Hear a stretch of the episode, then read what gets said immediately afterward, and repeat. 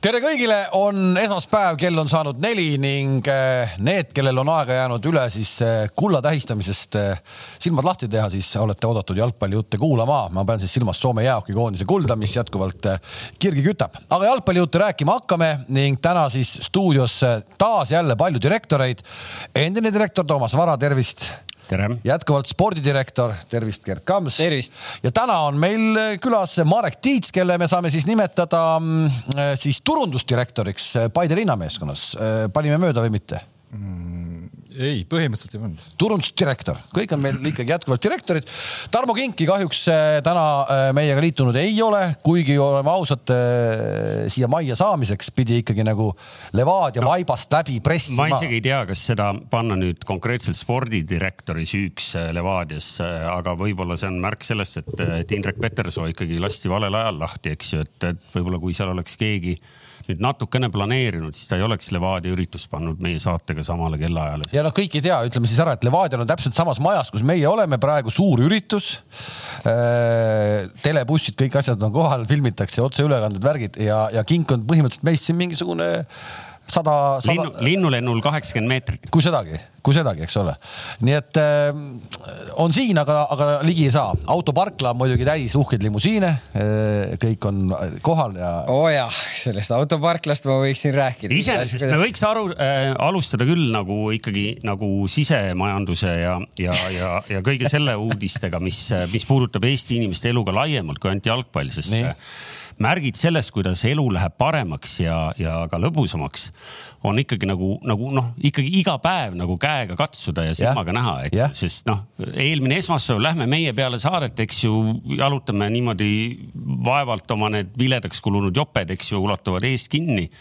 ja lähme vaatame, üks mees jälle istub uude autosse, eks ju ja, ja, ja ikkagi. me ei saa sellest väga palju täpsemalt rääkida, sest eh, noh, siin tundlikumad natuurid ei taha, eks ju, et te linna peal nagu ära tunnete selle, aga ütleme, see on seda tüüpi auto, millega sõidavad sellised eh, pensionil. ei oot, oot, oot, oot, oot, oot, oota, oota, oota, selle, selle koha pealt ma tahan vaielda no.. et endiselt eh, jääb õhku see küsimus, oled sa lihtrahva esindaja, Kalev? ja ikka, ikka töö, tööinimene, see on tööauto, aga, aga siis, mis ma nüüd tahtsingi öelda ma mäletan seda BMW juttu, kui ma üks laupäeva hommik tulin mul ei ole B. ei, ei, ma tean. kuulge. okei okay,, aitab küll, see.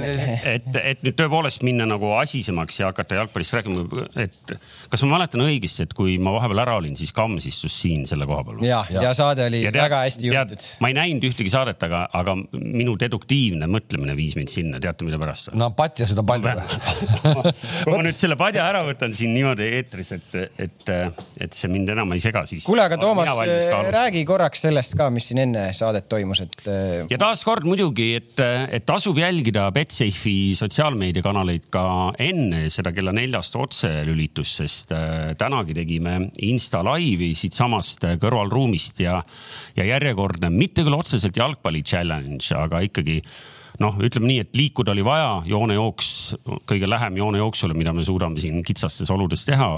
see siin ka toimus ja, ja võistlesid omavahel Kalev Kruus ja Gerd Kams. ja Kams sai esi-, ütleme ära siis kiiresti, Kams sai esimese võidu oma ajaloos, mille üle mul tegelikult ongi juba natukene hea meel, sest see hakkas piinlikuks muutuma hakkas.... ei, oota, oota, kõige hullem on veel see, et sealt eh, TV3-s me enam sinuga käia ei saa kommenteerimas ei. ja, ja seal oli üks suur võistlus meil ka käsil, mida ma juhtisin kolmkümmend seitse, kaheksateist. ja aga see jäi pooleli. oota, Kams, mida sa seal kommenteerimas saaks käia, Hispaania kossu karikat või? Toomas, iga endast lugupidav spordimees vaatas seda mängu eile terves mahus, mitte päris... viimast viit minutit. küsi, küsi Kamsi käest, kas ta teab, mis pick and roll on küsi Toomase käest, kas kuule, läheme nüüd tegelikult sinna, miks me siin saates üldse oleme ja, ja Marek Tiits tuleb meil täna siia, sest aeg tiksub, uus hooaeg tuleb rohkem kui lähedale, kiiresti, kiiresti, kiiresti. järgmine nädal, kui me siin juba oleme, siis põhimõtteliselt on uus hooaeg käes. ja me tahtsime rääkida natuke kogukonnajuhtidest ja sellest, miks eh,, miks või kui palju meil publikut on ja kogukonnajuhid, kui palju seda publikut juurde toovad. ja Marek, sa enam ei ole tegelikult öö, eh, päriselt selle ameti peal, aga sa oled olnud kogukonnajuht Viljandi tulevikus oli nii? ja noh no, ja noh, midagi pole öelda, ükskõik kuidas see tiitel ka kõlab, eks ju, aga, aga tegelikult see on väljakutse, mis on, ega see äh, on, on kõikidel Eesti spordialadel, pallimängudel, ütleme nii. ehk et mina, kes ma olen nagu ikkagi natuke ka otsapidi võrkpalliskeenes sees, noh, me teame, et ega siis kohalikul kossumeestel, neil kõigil on seesama teema ja, ja, ja miks me tahtsime sinuga seda arutada, on, on see, et vaata, et sa oled äsja endale, eks ju, uue töökoha leidnud tu suures tugevas Eesti klubis, ilmselt seal töövestlusel, kui seal istusid teisel pool lauda, ma ei tea, kes sul istusid seal täpselt. aga siis sul küsiti neid samu küsimusi, mida noh, äh, tavaline jalgpallisõber või spordisõber või meie täna siin tahame sinu käest küsida, eks ju, et kuidas seda asja nagu paremaks teha. Ja, ja see tõukub veel sellest ka, et, et alles siin mõned nädalad tagasi, enne seda, kui me siin kõik kordamööda puhkustel ja käisime, siis oli ikkagi alaliidu president oli meil ka siin äh, pildiga saates sees ja, ja kõik äh, jutud, kui me räägime jalgpalli premium-liigast ja selle arendamisest, tulevikust ja kõik seda tüüpi jutud, siis äh, need jut, jut, jutud taanduvad nagu sportlikule sellisele saavutusspordile. ehk et äh, professionaalne liiga, professionaalsed mängijad, klubide arv kümme, mängude arv peab olema see ja nii kui küsid, et oota, aga nagu vaatame kalendrit ja mõtleme publiku peale no siis hakkavad sellised äh, segased jutud, et oot, vaata, Tromsös mängitakse ka. ehk põhimõtteliselt jutt on see, et kelle jaoks neid mänge ikkagi lõpuks mängitakse. tegelikult äh, kelle jaoks sporti tehakse, sporti ei tehta ametnike jaoks, sporti ei tehta, äh, ma ei tea, kohtunike jaoks, seda tehakse ainult inimeste jaoks, ainult inimeste jaoks. on see nii? No.. Pekingi olümpiamängudel palju oli pealt ja, aga noh, see oligi noh, katastroof, tegelikult oli katastroof, see kõik oli katastroof. ja seda oli rõve vaadata, see no, oli see... kõige, kõige vähem minu poolt vaadatud olümpia reaalselt. no ma arvan, neid ei olnud. vaatasin ära ja. Äh, Soome hokikulla ja see oli kõik, mitte midagi rohkem. et ja selles mõttes loomulikult noh, publik on, on äh, see, kelle jaoks ja, ja kelle nimel seda kõike tehakse, eks. aga selles mõttes ma päris Toomasega nõus ei ole, et et selles mõttes üldse nagu ei oleks sellele asjale tähelepanu pööratud, noh, seesama, millest me siin täna räägime, see kogukonnajuhtide projekt iseenesest ju jalkaliidu piloot äh, UEFA-ga koostöös Eesti oli siis üldse esimene, kus see nagu käima pandi, kogukonnajuhtide projekt kui selline ehk et noh, ma ei tea. no Saksamaal ei ole vaja. defineerima ka kuidagi, laiendama, mis asi see on üldse või, või, või? ma arvan, et suurem osa meie vaatajaid teab, teab, aga, aga noh, tegelikult äh, äh, sa võiksid nagu hästi lühidalt seletada, et, et kui ametisse on võetud kogukonnajuht, kellel on nagu väga konkreetne just nimelt selline amet, et mis siis täpselt on, mida ta teeb, eks ju? no kuna see projekt oligi Eestis piloot, siis ta oma, oma selle äh, esimese kolme aasta jooksul, mis nüüd sai läbi, äh, ka tegelikult jõudis muutuda, aga noh, alustati seda ikkagi sellest, et, äh, et väga-väga selge nägemus oli sellest, et jalgpalliklubid premium-liigas siis, et nad üldse teadvustaksid ja defineeriksid oma kogukonna ja hakkaksid sihipäraselt tööle selle nimel, et, et seda kogukonda hoida, kaasata, kasvatada ja läbi selle siis esmane eesmärk, mis pandi või mitte esmane, vaid ütleme, esimene eesmärk siis, mis pandi, oli, oli publikunumbri kasvatamine Premium-liigas. ja sellele kolmeaastasele piloodile tegelikult veel eelnes piloodipiloot, kus pool aastat olid äh,, Gert, aita nüüd meenutada. kas kõik hakkas peale? Flora, Flora Trans ja Tammeka või? kõik hakkas, kõik hakkas peale kaks tuhat seitseteist või? Võtame nüüd tagasi. kaks tuhat üheksateist oli esimene täisaasta. kakskümmend üks, kakskümmend üheksateist oli täisaasta ja enne seda oli siis see piloodi piloot, kus oli Flora Trans ja Tammeka olid siis äh, pool aastat jah, said nii-öelda katsetada katsetamist. kaks tuhat üheksateist oli aasta, kui kõikidel satsidel, välja arvatud äh, Nõmme Kalju publiku numbrid tõusid. ehk et äh, tegelikult, kui me vaatame selle peale, siis äh, ilmselt ma pole ainuke, kes on vaadanud seda nagu selles mõttes kadedusega, et ta kindlasti nagu on andnud positiivse efekti. ja kindlasti nagu. no toome, to, okei okay,, toome, toome lihtsalt näited ka numbrites. numbrid tegelikult iseenesest on üsna nagu väiksed, aga ikkagi. kaks tuhat kaheksateist Levadia kakssada kuuskümmend kaks pealtvaatajat, kuigi kaks tuhat seitseteist oli kolmsada üksteist keskmiselt ja kaks tuhat üheksateist nii-öelda siis pärast seda meeletut tõusu on arv kolmsada kuuskümmend viis ehk et sada kolm inimest rohkem. me teeme, me räägime sellistest numbritest tegelikult, eks. Eh, Flora puhul siis kaks tuhat kaheksateist viissada viiskümmend üheksa, kaks tuhat üheksateist oli see number seitsesada üksteist no seitsesada üksteist ühel mängul tegelikult on juba täitsa okei. Okay.. Eesti no, mõttes see on väga okei. okay.. see on väga okei okay,, aga no ühesõnaga see, see tegelikult meie küsimus ongi selles, et, et kas või kuidas nagu me hindame seda efekti nagu pikemas perspektiivis, sest äh, siin on natukene on tunda seda klassikalist äh, klubi manager'i sellist äh, elukaart, eks ju. Et sa teed esimesed, olenevalt sellest, kui kohusetundlik või tubli või üleüldse nagu võimekas sa oled, eks ju, kolm-neli aastat sa teed entu, entukaga ja siis sul tundub, et sa oled kõiki asju juba teinud, eks ju.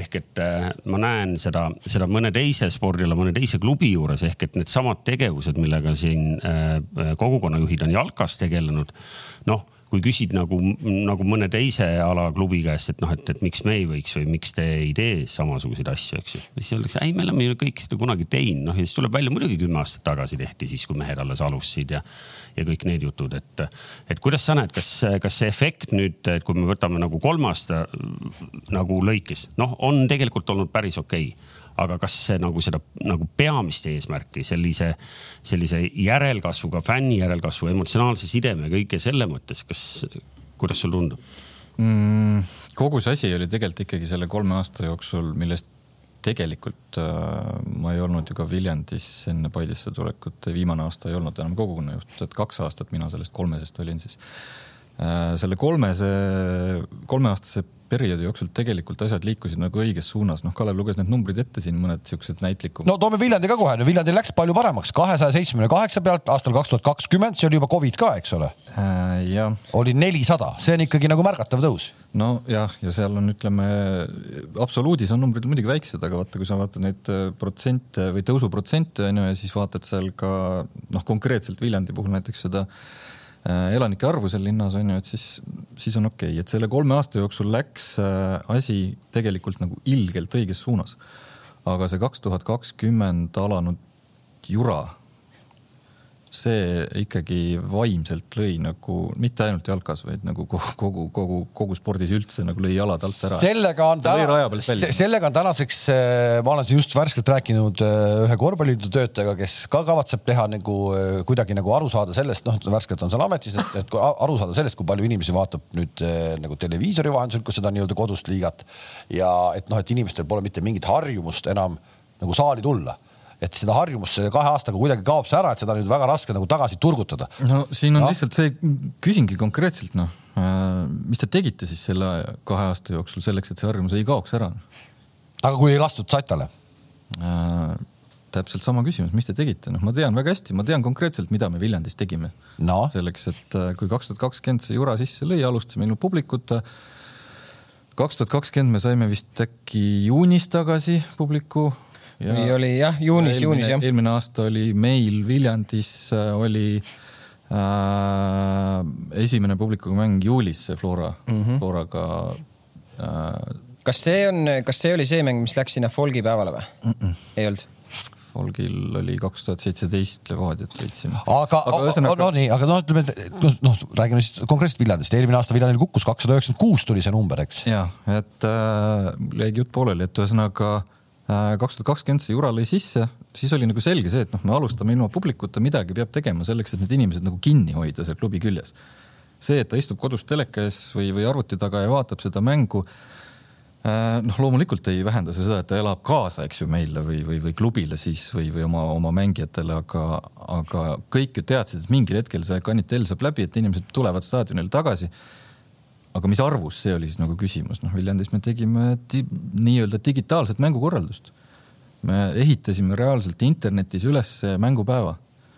tegime stuudio äh,, inimesed said osta e-pileteid, et toetada nagu klubi, kes ka siis ju noh, mõlemal sel koroona aastal ikkagi nagu raha kaotas päris rängalt, onju äh,. korraldasime seal poole mänge, loose, külalised olid, äh, meil käisid seal Ingemar Teeveriga lõpetades siuksed tegelased käisid noh, mängupäeva stuudiotes.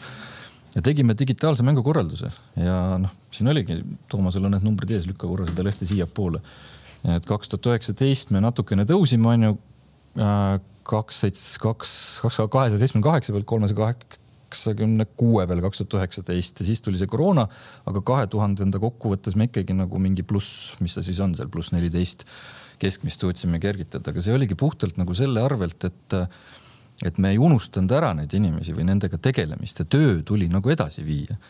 ja, ja see digitaalne mängupäeva korraldus reaalselt oligi siis niimoodi, et mingil juulipäeval siis kahe tuhande kahekümnendal aastal siis, äh, kui see publik sinna staadionile lasti, meil oli siis see Flora, see legendaarne Flora võit, see ainuke Flora kaotus üldse tollel aastal, meil oli sinna viiesaja alla oli inimesi staadionil ehk et see töö, mis oli tehtud sealt märtsi algusest läbi kõige selle kevade kuni sinna suveni välja, see tasus nagu ära, et noh, Kossu meestelt, võrgumeestelt, kõigilt tasub küsida sama küsimus, et mis te siis tegite nagu selleks, et nad tuleks tagasi pärast. kas, kas kuidas sa seda, Marek, tunnetad, et kas ka ütleme, selline võistkonna komplekteeritud võistkonna, ütleme, esitused väljakul, et kui palju see nagu mängis rolli, ütleme, publiku numbrites?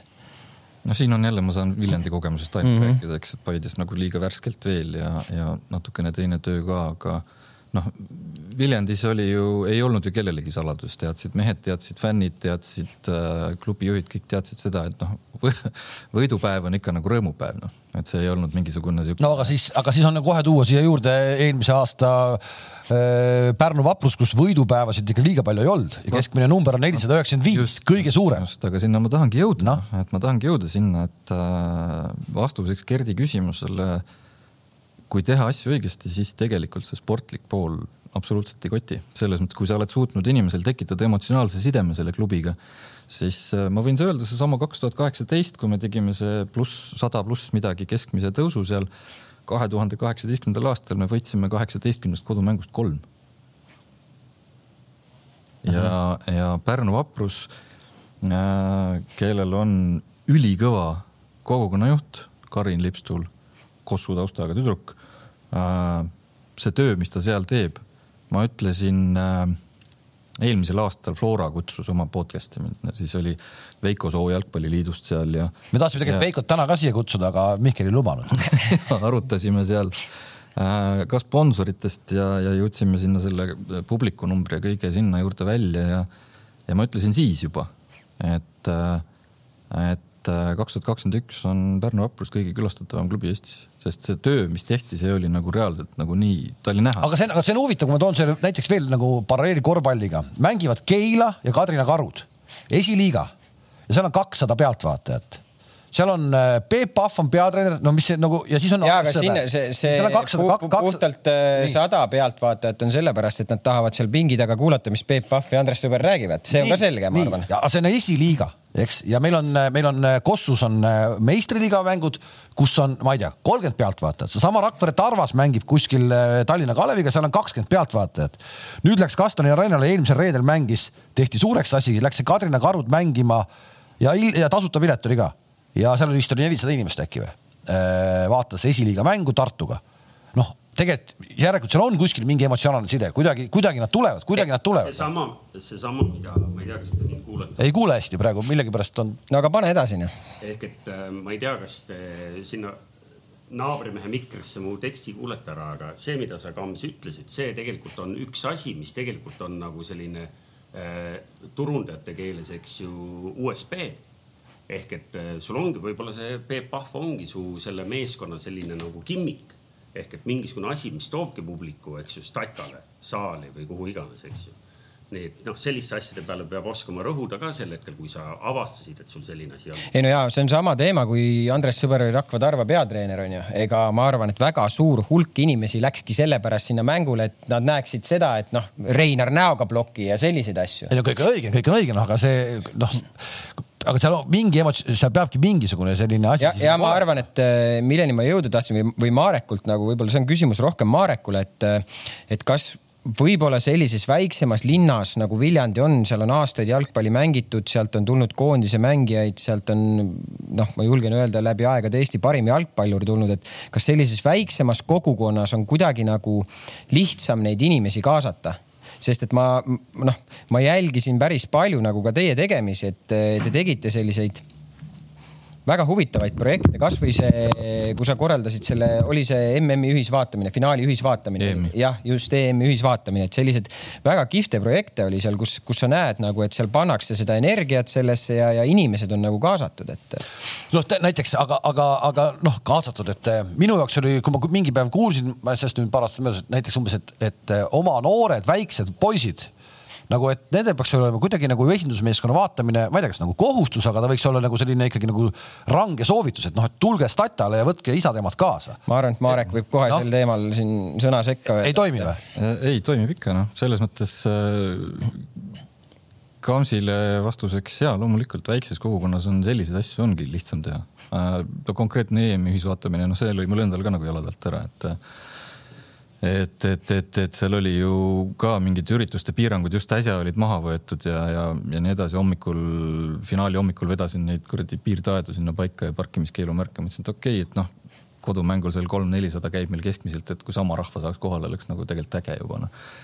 üle tuhande inimese nagu lendas sinna kohale, see Vabaduse plats värskelt avatud, paksult täis rahvast ja, ja jalkaga, jalkaklubiga samamoodi on, on loomulikult on lihtsam teha väikses kogukonnas, aga sa pead noh, inglise keeles on hea väljend read the room, eks ju, et sa pead suutma lugeda seda, seda keskkonda, kus sa, kus sa, kus sa toimetad.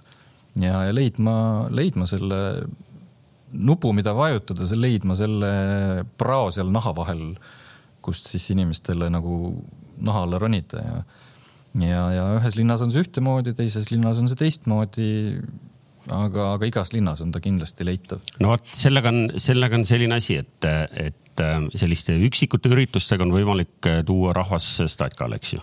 nüüd me mäletame kõik neid legendaarseid aegu, kui Kuno tegi äh, Hiiul Keter-Jaani kontserdi enne või peale mängu või vaheajal või millal iganes kaks pool tuhat inimest on ilmselt mingi rekord ju publik ühel mängul. ega see ei tähenda, et need nendest kahest poolest tuhandest hea, kui tuli kümme prossa, tuli, eks ju, järgmisel nädalal uuesti. aga see on juba okei okay., kümme prossa on juba selle pealt juba okei okay.. kõik, mis tehakse, on, hästi. mina arvan, et see ei ole paha. ja see, Kalev, sinu küsimus laste kohta, et äh, üks teooria on, eks ju, mis sulle, Marek, on kindlasti tuttav, on see ka, et, et see match day experience, eks ju. et see on hirmus tähtis ja kõige rohkem mõjutab see match day experience lapsi ja noh, siis konkreetselt äh, täiesti uusi fänne, kes tulevad esimest korda ja kui talle esimesel korral ei meeldi, noh, lihtsalt nagu midagi ei meeldi seal, siis on nagu, siis on nagu pahasti. ja kui sa tood lapse, noh, nagu sa ütled, trennis öeldakse, et poolvägisi, eks ju, lähme nüüd kohale ja sa ei suuda sellele lapsele seal nagu ka noh, nagu äh, tegevust ja, ja noh no, midagi toredat lisaks sellele muru peal toimuvale välja pakkuda, siis on, siis läheb ka. ja vaata, ma arvan, et seal on hästi oluline ka ütleme, see infra kas sul on katus pea kohal, kas sa saad vihma käest peidus olla ja nii edasi ja nii edasi. see on ilgelt hea, see on ilgelt hea point, sest noh, Paides ei ole need asjad ju võõrad, onju, need probleemid võõrad ja Viljandis täpselt samamoodi alustad järve ääres Kunstmuru staadionil. kolmest küljest on see staadion tuulele avatud, kogu aeg männa poolt tuulekoridor puhub, onju. ja, ja puust, rauast pingid, katust pole, onju ja hooaja algul nagu väga ägedad, sportlikult väga ägedad mängud lähevad vett vedama. jah, sa võid seal pirukat olime, pakkuda. olime linnastaadionile, rahvas kohal. me, me, ma ei tahtnud nii ruttu siia kalendri juurde tulla, mul oli no. to,, toimetaja oli kirjutanud meile siia küsimusi ka, et noh, mis su ettepanekud oleks, eks ju, ka näiteks, näiteks kalendri äh, mõttes, aga noh, iga kord räägime ühte samat asju, hooaja kõige tähtsamad mängud, kõige esimesed, see reede superkarikas ja, ja noh, mis iganes siin veel tuleb, eks ju, karikas, eh, karikat hakatakse mängima, meil on teadupärast karikas, eks ju, üks Euroopa koht on veel võtta. ja, ja sügisel kõige tähtsamad mängud mängitakse no vot täpselt sellise ilmaga nagu täna. ei, ei no mis see aasta mängiti, tähtsam mäng miinus kaheksaga seal eh, Sportland Arenal, miinus mm. kaheksa oli, eks no okei okay,, mängijad, mängijad Aga.... ja, ja, ja siis on suvel see, noh, sellest on jälle noh, miljon korda räägitud, suvel on mingi totakas kuuajane paus on ju ehk et, aga ma, mul jäi kõrva see, et, et vaata, sa, sa vastasid, et võib-olla väikses kohas on, on lihtsam mingeid asju teha, et, et noh, Viljandi ja nüüd ka Paide, noh, ei ole maailma kõige väiksemad kohad, eks ju. Noh, see Eesti mõistes. Ja meil siin äh, tekib hoopis jalgpallisõbral küsimus, et äh, Kuressaare, FC Kuressaare, suletud, kui nii võib öelda, kogukond räige nälg nagu spordimeelelahutuse järgi, me nägime seda Saaremaa võrkpalliklubi peal, eks ju, siin kolm aastat järjest. keskmine publiku arv kodusaalis kuus-seitse sotti. aga FC Kuressaare publik sada plussi eeli-eeli. noh, seal Mis on ka, seal on, seal on ka nagu aega vaja selles mõttes, et äh, Kuressaares ka nüüd kogukonnajuht minu teada vahetus. Liinuška läks lapsehoolduspuhkusele, Katri võttis üle aga samas nagu need sammud, mis Liina jõudis seal ära teha, noh alustas, ta alustas reaalselt ikkagi vundamendist, seal on väga okeilt toimiv vabatahtlike süsteem ja, ja samamoodi see laste-noorte kaasamine, teine asi Ähm, Kuressaare puhul ei saa ju jälle ikka üle ümber, noh minuti taga või minut tagasi räägitud asja. staadionist või? vaata Kuressaare linnastaadionit, noh vastu merekallast on see tribüün seal äh,. alati on tuul, tänu sellele on siis äh, kuremehed platsil on nagu rõõmustanud, sest vist ei ole ühtegi satsi, kellele nad tala ei oleks mingil hetkel pannud selle tuule toel seal onju. aga rahval on ikka väga keeruline seal olla, kohati, suviti on väga äge et äh, ja, ja, ja ma usun küll, et küllap see Kuressaare ka. aga kas Kure, Kure puhul näiteks äkki kuidagi niimoodi, et see, kuna see meeskond ikkagi, ta ei ole ju praktiliselt seal kohapeal baseerub Tallinnas. ta baseerub Tallinnas, eks nad, nad tulevad mängupäeval samamoodi ehk tegelikult nad ei nagu ei, ma ei tea täpselt, aga nad ei ole võib-olla seal linnapildis noh, nii nähtavad ja ka ma ei tea, kas nad käivad seal koolides mingeid üritusi tegemas, läbi viimas kuidagi, et nagu tekitada seda. eks nad, eks nad üritavad ja, ja on neid teinud, nagu sa ütlesid, seal on tööd on tehtud, et noh, ma, ma ise natukene tean. nüüd ongi see, et ega Paide kohta käib ju sama küsimus, et näiteks sul, sa tahad teha, eks ju, koolikülastusi või mingeid asju sul ju meeskond elab samamoodi Tallinnas ja treenib Tallinnas, eks ju mm.. sa pead, sa pead ennast seal üle spordidirektori varsti kehtestama hakkama, ütlema, et kuule, et mehed käivad, ma ei tea, kolm korda nädalas veel käivad siin mul mingeid üritusi ja, ja lasteaias lastega nagu müramas ka. kusjuures ilma naljata. sellega siis Maarja Mõeldan tegeleb, eks ju, Paide, Paide kogukonna juht, mitte, mitte mina enam. no kuule, turundus, kogu, kogu klubi hea ja, nagu ei, see meediakuu on. ma saan mõttest absoluutselt aru, ei, selles mõttes on äh, lihtsalt hea küsimus, noh, sa tõid siin äh, saate alguses selle klubijuhi nii-öelda elukaart välja, eks ju, ja, ja rääkisid Entukast ja kõigest ja noh, teine pool sellest on ju selle Entuka kõrval on ka ikkagi noh, arusaam asjadest, mida on vaja teha. ükskõik mis, on ju. ja, ja, ja kui noh, ega ei ole ju aastate jooksul siin töötades nagu selle kogukonnajuhina ja teiste klubidega tihedalt koostööd tehes ja igakuusel seminaridel koos käies ja ja nende probleeme kuulates, ega ei ole ju mingi saladus, ikka tuli nagu siit ja sealt ja reeglina pigem ikkagi siit äh, Tallinna poole satside poolt nagu kogukonnajuhtide poolt seda, et, äh, et no kurat, ei saa neid mängijaid kätte noh. Et, äh, et, et küll on, äh, küll on seal mingid sportlikud asjad tõstetakse ettepoole muudest asjadest ja, ja, ja selles mõttes on keeruline, aga, aga see asi esiteks on ta paranenud oluliselt, oluliselt tuntavalt ja, ja teistpidi äh, on ikkagi sellesama klubijuhi elukaare sees, noh, kui tal see entukas läheb üle ja ja, ja, ja silmad nagu mingitele olulistele asjadele avanevad, siis ta saab aru, et, et ikkagi need inimesed, kes sul teevad seda tööd seal päevad läbi klubis, nad teevad seda ju sinu heaks, ehk et sealt edasi nagu neid probleeme, et mingid mängijad kuskile koolikülastusele ei saa, noh, seda ei tohigi lihtsalt. ei no selge see, seal on no Kams ja, ja kolleegid peavad sind ikkagi aitama, kui sa ütled mehed, et on vaja teha, eks ju noh, siis ei ole nii, et kurat, me tahtsime see päev võib-olla tead anda meestele vaba päeva või eks ju. ei noh, selle päeva sa ju leiad alati, ega selles ei ole küsimus, loomulikult ma ei saada esindusmeeskonda üks päev enne mängu koole külastama kuskile, see on ju no, ka juba selge, hakkab, noh. ei noh, see, see on selge, noh, et ega siin ei ole küsimust, aga üks aasta Narva minu arust mingi hetk tegi ka päris kihvti asja, neil oli see, aita nüüd öelda selle härrasmehe nimi. Saša Dmitrijev. jah, Saša Dmitrijev, seal Narvas oli ka päris nagu selline aktiivne no, see värk. Saša oli selles mõttes nagu, tema oli siis Narva esimene kogukonnajuht, ma ei tea, kes seal praegu on, neid oli vahepeal seal päris mitu, peale Sašat tuli Leena, ma ei tea, kes praegu üldse on noh, ta oli eriline frukt selles mõttes, et tal oli nagu, tal oli kõigest nagu savi, noh. mängijat oli vaja, siis võeti ja, ja siis olidki reaalselt kasvõi enne mängupäeva siis möllati seal koolis äh, irjed ja värgid ja boombox'id möllasid ja lapsed, lapsed möllasid ja. kuule, kui ma loen praegu siit äh, meie saate kõrvalt, äh, inimesed kommenteerivad ka ja, ja kuidagi, kui ma küsiks praegu niimoodi, kui Pärnu vaprusel ei oleks sellist staadionit, nagu neil on, neil on väga korralik staadion. kas seal oleks kas see number oleks siis nelisada üheksakümmend viis, kui oleks samasugune Paide, Paide lageda taeva all kas oleks nelisada üheksakümmend viis? ei no kindlasti see, see pole ju vaidlemise koht, et eh, korralik statka aitab kaasa, eks. nojah, siin ma praegu seda nagu loengi, et noh, et kõikide jaoks ongi tegelikult nagu ikkagi väga suur mure see, kui sul ei olegi nagu kuskil nagu olla, noh. tead, ma ei oska isegi oletada selles mõttes see töö, mis seal äh, Karin ja, ja Kalle ja Roos on Pärnus on ära teinud äh, kogukonnaga just, ma mõtlen see on ikkagi nii palju põhjapanev, et ma, ma ei oska. aga mis nad teevad, mis nad teevad teistmoodi? Nad on kogu aeg olemas. see on nagu üks, üks kõige olulisem asi, nad on reaalselt kogu aeg olemas ja, ja, ja, ja see, mis nad teevad, sellest kõigest nagu konkreetselt õhkub äh, kogukonna suunas seda, et see on teile, see on teie pärast, see on koos teiega, noh, vaatad ükskõik mingit videot suvistest perepäevadest, sadades on nagu inimesed seal kohal, eks ju.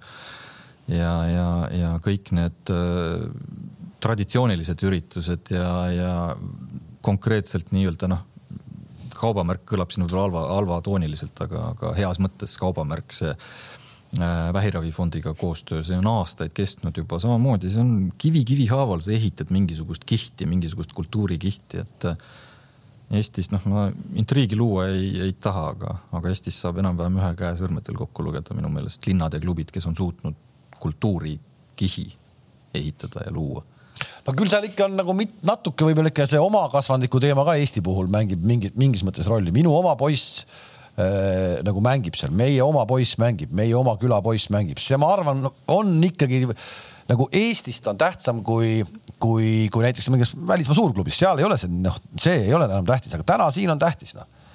ma arvan, et see. kindlasti on jah kindlasti on. välismaal on see väga tähtis, kui me jätame nüüd päris top-top, eks ju, mingi Premi, mingi sellised need fancy'd klubid kõrvale, siis äh, isegi seal keskmistel ja rääkimata nüüd liigatasemes allapoole, seal on kohalikel nagu kangelastel on ikkagi väga suur osa klubi kuvandis aga, aga kaubamärgist rääkides, räägi meile siis Paidest, mis su plaanid Paidega on selles mõttes, et, et see kõik, mis sa tegema hakkad, nagu lõppkokkuvõttes peabki hakkama lahendama seda, mida me siin oleme nüüd pool tundi juba heietada jõudnud?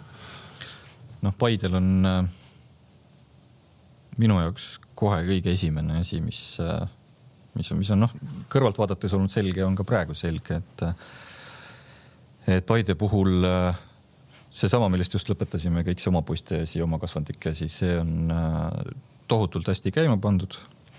terve Järvamaa on hõivatud, vundament on olemas, saab hakata kihti ehitama, aga mis on, äh, sa küsisid see USB, eks ju mm, -hmm. Paide puhul noh, täiesti selgelt vaatad asjale otsa, kohe saad aru. ma ei tea, Eestis või, või, või isegi, isegi kuskil siin lähiriikides või, või Euroopas. teine nii väike linn kus niivõrd kõrgel tasemel vutti saab vaadata, äh, kus on eurosarjas mänginud, mängiv klubi äh, võtta, palju Paides on kuus tuhat. kes pidi küll Pärnus, Pärnusse mänguks kolima sul on. oota, oota, oota, oota, Kamp, oota, Kamp, see, kus te käisite sellel, sellel. Slaskiga mängimas. ei, ei, ei nüüd seal Soomes. Seinaööl. Seinaööl, seal on ju väga uhke stata. oo oh jaa, seal on, seal ei ole ainult stata, Kalev. noh seal ei ole ainult stata, seal on sisehall, seal on veel eraldi kunstmuruväljak. et sa selles mõttes sa teed praegu selle nagu liiga selle, et noh, et see tegelikult ju Paide ju ei kujuta endast seda ühte Paide linna, kuus tuhat inimest, ta peab ikka olema nagu terve see. ja, aga Seinajoki puhtalt linnas, ma arvan, on kuuskümmend tuhat inimest nojah, no aga okei okay,, aga, aga. ei no kus ma tahtsin jõuda, ongi see, et ühesõnaga vundament on olemas äh,, selgelt eristuv äh, suund siis selle tippspordiga on olemas ja noh, Veiko ju käis alles hiljaaegu teil siin saates, eks ju, et, et küllap ta siis rääkis ka seal, sõitsin autoga ja telefonikõnesid tuli vahele, ma ei saanud nagu järjest kuulata, aga, aga rääkis ju ka äh, infraehituse plaanidest ja kõigest, kõigest muust, et, et äh, samamoodi jälle äh, järgmine kiht seda, seda, seda kultuuri ja mille peale siis ühesõnaga noh, teistpidi ongi see, et et ikkagi õigest otsast on ju pihta hakatud, et kui, kellele see Veiko ja Paide linn seda spordikeskust ja, ja staadioni seal siis ehitavad või, või kelle jaoks ta lõpuks siis valmis saab, kui sinna pole sisse nagu tuua kedagi ei mängima ega vaatama, eks ju. et, äh, et Paidel on, äh, Paide linnameeskonnal siis on neid, ütleme äh, selling point'e või selling proposition'id on, on, on päris mitmeid, ma kõiki ei saa ka kohe siin välja ju plärtsatada. no ah, oot-oot, enne kui meelest ära läheb, pärast ma kõnnin nendega minema. kingitus. ei, Toomasele ei anna. no ai, ai, see on mingi pangakaart või? on seal krediit ka peal või? oota, ma vaatan, üks on äh, kaks. sa tahad öelda, et ühel on, ühel on mingi rohkem peale kantud ja teisel on vähem? teine on kolm, kolm, kolm. kolm. oota, oota, minu number on kolm. ja kolmkümmend, kolmkümmend kolm oli tal särgi number. ma olen selle Kalevile. jaa, aga hooajakaart jah? Paide värsked hooajakaardid, need ei ole isegi veel tulnud meil fännidele välja, nii et fännid äh, saate lähemate päevade jooksul kõigist Paide kanalitest kuulda kuidas hooajakaarti saab, äh, mis hinnaga saab ja, ja Kas, mis sellega kaasa tuleb, see ei ole lihtsalt hooajakaart. kas kehtib ka esiliiga mängul? ikka, loomulikult. sa hakkad Paides esiliigat käima vaatamas või? no mul oli plaan äkki tulla, sest et oleme ausad, üks, üks väga kõva klubi tõusis esiliigasse, Harju ja Harju esimene mäng, kui mu mälu ei peta, on Paidega ai te hakkate saama, ai raisk, see hakkab see aasta ei, tulema. esiliiga ongi raske, seal on ju veel äh, Nõmme United. ei, ei no. seal oota rahu, rahu, ma räägin, ma hakkan sellest Harjust, te hakkate nägema. kõige hullem pärast seda, kui see mütsiga onu Toomas tõi uue selle VG-d ja sinna nüüd te saate tasuta ju teed ja kohvi ka seal Paides. saame tasuta või? esiliiga mängu ajal ka antakse. noh ei, ei noh, selles mõttes, ega see kohvikann läheb äh, vägagi selle match day experience'i alla ja no ma saan aru, et, et, et sellega mehed teevad äh, seal nagunii päevast päeva tööd. kui ma saan, lõikan siia Toomasele vahele, match day experience tegelikult oli, kui see kogukonnajuhtide projekt alustati, siis äh, toodi mm, Inglismaalt Jalkaliidu ja UEFA poolt siis Eestisse nii-öelda selle projekti esimeste aastate mentoriks selline härrasmees nagu Mark Bradley, kes on teinud endale elutöö Matchday Experience'ist konkreetselt, tal on firma, mis tegeleb sellega, ta pakub väga suurtele Inglismaa klubidele seda analüüsimise teenust, ta palkab aeg-ajalt äh, ajutist abitööjõudu veel lisaks endale, et saata, lähetada neid kuskile Inglismaa ja kogu selle Suurbritannia kaugematesse nurkadesse ja tulevad tagasi sealt raportitega, analüüsib, teeb ühesõnaga seda tööd. Ja see match day experience, see mängupäeva kogemus, see oli tegelikult äh, üks esimesi asju, millest siis nagu pihta hakati üldse siin premium-liigas ka ja noh, võib ju siis kõik, kõik kriitikud ju saavad ju aru, et millest me või kust punktist me siis alustasime reaalselt nagu. ei, mul on, mul on see mees ja selle mehe seesama presentatsioon, millega ta, eks ju, siin Eestis alustas, on, on vägagi tuttav ja, ja see, see on tegelikult väga asjalik, see on ka nagu selles mõttes nagu, nagu põnev lugemine, ma arvan, et mitte ainult jalkas keeles, vaid eks mujal. ja, ja miks me tegelikult mitte, et me nüüd äh, noh, ei ole rõõmsad, et sina siia tulid, aga nagu Kalev ütles, me tahtsime, eks ju, Veiko Sood siia kutsuda et äh, kuna aga Veiko. miks ta tulla ei saanud? Mihkel ei lubanud ah., jalkaliidu ei tohi, Mihkel ütles, et ei tohi. päriselt ka, me valeta ju see on, see on omaette teema, et, et äh, põhimõtteliselt nagu võiks siia, kus me oleme rääkinud klubi turundusest või publiku arvust ja nüüd rääkida sellest, kuidas, eks ju, liiga ei äh, lase ühte inimest äh, saatesse segasel põhjusel kui.... mitte ühte, vaid kõik, kes on jalgpalliga seotud. ühesõnaga okay., ma tahtsin oma jutuga sinna jõuda, et, et Veiko on juba käinud ju kuskil tead umbes Moldovas või kus ta käis siin mm,? mitte ainult Veiko, Veiko, Veiko, Veiko üksi on käinud, Veiko koos kogukonnajuhtidega käinud, kogukonnajuht üksi on käinud, mina käisin käisin Moldovas, Flora, Katrin ja Pärnu Karin käisid Aserbaidžaanis no,. näed, meil on juba. Sloveenias on käidud. me õpetame juba ise teisi, mis tähendab, et me oleme nagu, nagu väljast sisse tulnud know-how pealt oleme siis nagu saanud praktikat nüüd kolm. Moldova oli esimene riik, kes siis võttiski konkreetselt selle Eestis kõik see, mis kolme aasta jooksul Eestis oli kogutud, õpitud, võttis ja pani selle Moldovast. ehk meil peaks olema nagu selline nagu noh, nagu sa ütled, kahel levelil juba see nagu teadmine, et üks on see teooria, eks ju, ja teine on nüüd juba kolm aastat praktikat, kus me oleme tegelikult saanud nagu kätt harjutada ja meil peaks olema seda, seda nagu noh, kuidas ma ütlen äh, nagu positiivseid nagu case study sid no,. no neid palju. on ju noh, selles mõttes, miks ma ei toonud seda alguspunkti, kust selle match day experience'iga Eesti klubid alustasid premium liigas, kõrgliigas ma ei toonud seda nagu juhuslikult sisse, ma olen, ma ei tea, viisteist, kuusteist, seitseteist aastat Eesti liiga jalgpalli nagu jälginud ja käinud mängudel ja ja no ei ole ju väga palju aastaid möödas sellest ajast, kui sa nagu läksid äh, Eesti kõrgliiga klubi mängule ja, ja poolajal äh, kui sa olid siis oma kaasa toodud õlle joomise lõpetanud, tahtsid minna peldikusse, siis reaalselt uppusid sita sisse ära, astusid kogu aeg, noh, tegid ukse lahti ja astusid ja kukkusid kuskile kuradi sügavale sita sisse, noh, konkreetne eluline näide. aga, aga no võib-olla konkreetselt ongi see kõigil nii-öelda. sellist asja ei kujuta, täna ei kujuta keegi ette. mälus on väga paljudel tegelikult ja nad ei, taha olla. see on nagu alpinism no., lihtsalt alla ei tohi vaadata aga tulles tagasi selle Briti härrasmehe juurde, mul lihtsalt nagu mõtlesin enda peas, et aga aga mis nagu sellise nagu ütleme, Inglise jalgpalli võib-olla fännina, mis match day experience'i sa nagu ootad, kui ma tean, et ma lähen Liverpooli mängu vaatama, siis ma juba tean, et ma lähen sellepärast sinna, et seal ma tahan kuulata, kuidas viiskümmend viis tuhat laulab seda You never walk alone'i onju. ja poolajal ma saan selle õlle ka sealt ju kätte, kui ma tahan. ja, aga need on match day experience'i ainult väiksed osad ehk eh, seesama, seesama Mark Bradley, eh, tema Äh, kirjeldab seda, kuidas match experience kaardistatakse ära alates sellest hetkest, kui sa üldse saad info, et mäng toimub. kuidas sa lähed, ostad pileti mismoodi sul tehakse selgeks, et kuhu sa võiksid pileti osta näiteks, kui sa tahad minna lastega vaatama sellised asjad, ega see ei ole ainult see, et noh, et lähen Satkale, võtan õlle ja mm, -hmm. sest noh äh,, muidugi Anfieldi matchday experience on hoopis teistsugune kui mingil madalama liiga äh, satsi omal. alates sellest, et oled käinud Anfieldil või? ei. Kas ma olen rääkinud seda siin stuudios või? see, kuidas ma... seal, kuidas, kui kiiresti seal õlle kätte saab või? seal on vaata need alumise klapiga topsid. see nüüd täna ikka juba rohkem kui ainult seda mujal ka. ja ehk et noh, sul on, sul on, sul on elimineeritud üleüldse võimaluski, et sul tekiks õllejärjekord, sest sul õlletoop lastakse, see pint lastakse täis konkreetselt sekundiga. aga võtadki nüüd äh, see, mis sa kirjeldasid, see on Inglismaa vana kuradi jalgpallikants ja jalgpallikultuuri meka onju ja siis niimoodi proportsionaalselt vähendad neid mõõtmeid siia, kuni jõuad Eestini välja. ma olen Viljandis samasuguste asjadega nagu olnud silmitsi ja tegelenud, et kui mul tuleb nagu kaks hooaega või tuli kaks hooaega järjest äh, fänni tagasiside küsitlusest tuli äh, top kolm murekohana välja, et õllejärjekorrad on pikad, noh siis tuli nagu tegutseda, eks, ja, tegime õlletelgi eraldi ja toidupuid ka eraldi, et, et järjekordi lühendada, et ja, ja, ja noh, see sama, mis sa kirjeldasid, see Mark Bradley äh, süvitsi minek, et, et, et seal ongi just nimelt see, et noh, äh, mängupäev ei alga mitte staadioni lavavilega, vaid tegelikult algab äh, meil on liiga kalender väljas, tegelikult praegu mängupäevad juba on sisuliselt alanud.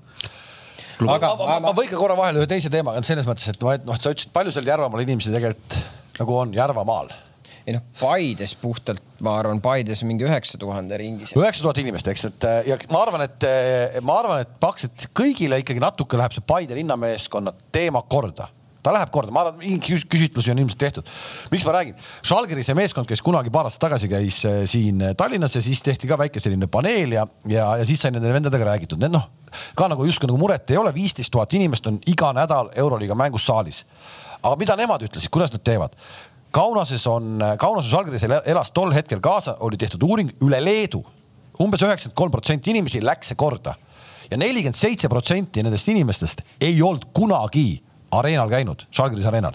ja siis nad ütlesidki, et meie eesmärk on tuua kõik, kes juba muidu on käinud, eh, need tulevad ikka, leiavad tee sinna saali, aga just tuua see esimest korda see inimene, see neljakümne seitsmest protsendist, tuua Statal äh, sinna areenile siis seda mängu vaatama no. Aga... see oli see eesmärk, noh. ja, no. ja, ja kujuta nüüd ette, mis siis saab, kui sellest neljakümne kolme protsendi seest see üks indiviid äh, kuskilt Šiauliaist tuleb sinna mängule ja ta saab nagu sita kogemuse, noh no just, noh, aga, ei, selge see, et Eesti jalgpallis ongi su põhitöö on ikkagi nende samade uute inimeste leidmine nii ehk naa, sest meie absoluutarvud on nagunii nii väiksed. ega seda ma ütlengi, et noh, et Järvamaa puhul näiteks mulle tundub, et ma arvan, et ikkagi üheksakümmend protsenti inimesi, kes seal kuidagi on seotud, natukenegi aktiivsed inimesed, nende jaoks Paide linnameeskonna tulemus kuidagi läheb korda. absoluutselt noh absoluutselt ja, ja see on, ütleme siis turunduse ja kogukonna ja äh, noh, tegelikult otsapidi ju natukene ka spordidirektori ja kõigi, kõigi koostöös eesmärk ju, et, et seda kõnetatavat auditooriumi hoida, laiendada ja sealt siis nii-öelda tirida järjest rohkem neid inimesi ka reaalselt, reaalselt siis kohale, et see, et praegu on Paide äh, Tallinna klubi nagu ette heidetakse ja nii edasi, et ütleme niimoodi, et äh, kui ma võrdlen, siis äh, noh, jälle on hea, hea ju võrrelda tegelikult. Äh, mitte väga ammu aega tagasi oli, oli Eesti meistriliigas selline moodustis nagu FC Viljandi. Gert mäletab ilmselt, ma ei tea, kas sa ise olid ilmselt välismaal sel ajal või mängisid sa ka selle moodustise vastu? olin välismaal. et, et ja, ja, ja see oli teist, teine sellelaadne kogemus tegelikult Viljandi spordihuvilisele nagu juba, sest enne seda, kui see FC Viljandi oli, siis oli ju Viljandi tulevik, mis oli see nii-öelda nagu Viljandis räägitakse sellest Flora tulevikust. on Viljandis on noh, väga selgelt eristatud Flora tulevik ja meie tulevik. ehk et Flora tulevik ja päris tulevik. ja kui Flora tulevikumängus, kus seal mängisid siis ikka nagu väga kõvad mehed ja väga kõvad nimed Eesti jalgpallis, seda käidi vaatamas ikkagi nagu noh viisakalt, enam-vähem viisakalt, siis see FC Viljandi, see konkreetselt ei läinud mitte kellelegi korda, absoluutselt mitte kellelegi korda. ja, ja Paidega see ei ole nagu üldse võrreldav, noh, ei ütleme sisu poolest, vaimu poolest juba tehtud ja nähtud asjade poolest, selle poolest, kui palju seda kõnetab, kui palju neid inimesi seal käib ja mis need tegelikult nagu võimalused veel on. FC Viljandit äh, noh, ega tollel ajal ei tegeletudki sellega, et teda turundada, aga, aga oleks ka olnud ikka väga keeruline turundada. aga nüüd, kui see Paide uus staadion, mis mitmekohaline see plaanitud on? siin peaks olema nüüd arendusjuht Arto Saar ka uus mees või vana uus mees kohal, et, et öelda neid täpseid numbreid. noh, ma arvan, et eks see, see ei tule ju mingi nagu monster staadion, et äh, äkki seal on selline, ta peab, ühesõnaga see staadion peab vastama nõuetele, et sa saaksid mängida Euroopa mänge. nii ja, ja see minimaalne, mis see arv seal on, ma võin nüüd eksida, äkki on mingi kaks tuhat viissada või kolm tuhat, midagi sellist. no aga see on ju täiesti. sinnakanti minu arust oligi planeeritud. no ja kui siis võttagi eesmärgiks, et sa tõmbad ikkagi nagu liigamängudel kaks tuhat viissada, kas see on võimatu eesmärk või mitte koduliiga mängudel mm,? ei tohiks olla. ei tohiks, raske, aga mitte võimatu ja selles mõttes noh, palju tööd nõuab ja, ja veel mõned aastad ja kindlasti, aga, aga ei, kindlasti mitte, mitte raske või võimatu tähendab käisin kiirelt äh,, tšekkasin äh, jõus olevat äh, jalgpalliliidu arengukava, kus äh, eelmises versioonis oli sees ju, et kõikidel premium-liiga klubidel on juba, ma ei tea, kümme aastat tagasi pidi olema selline staadion, nagu me praegu Paide puhul, eks ju, siin räägime tulevikus.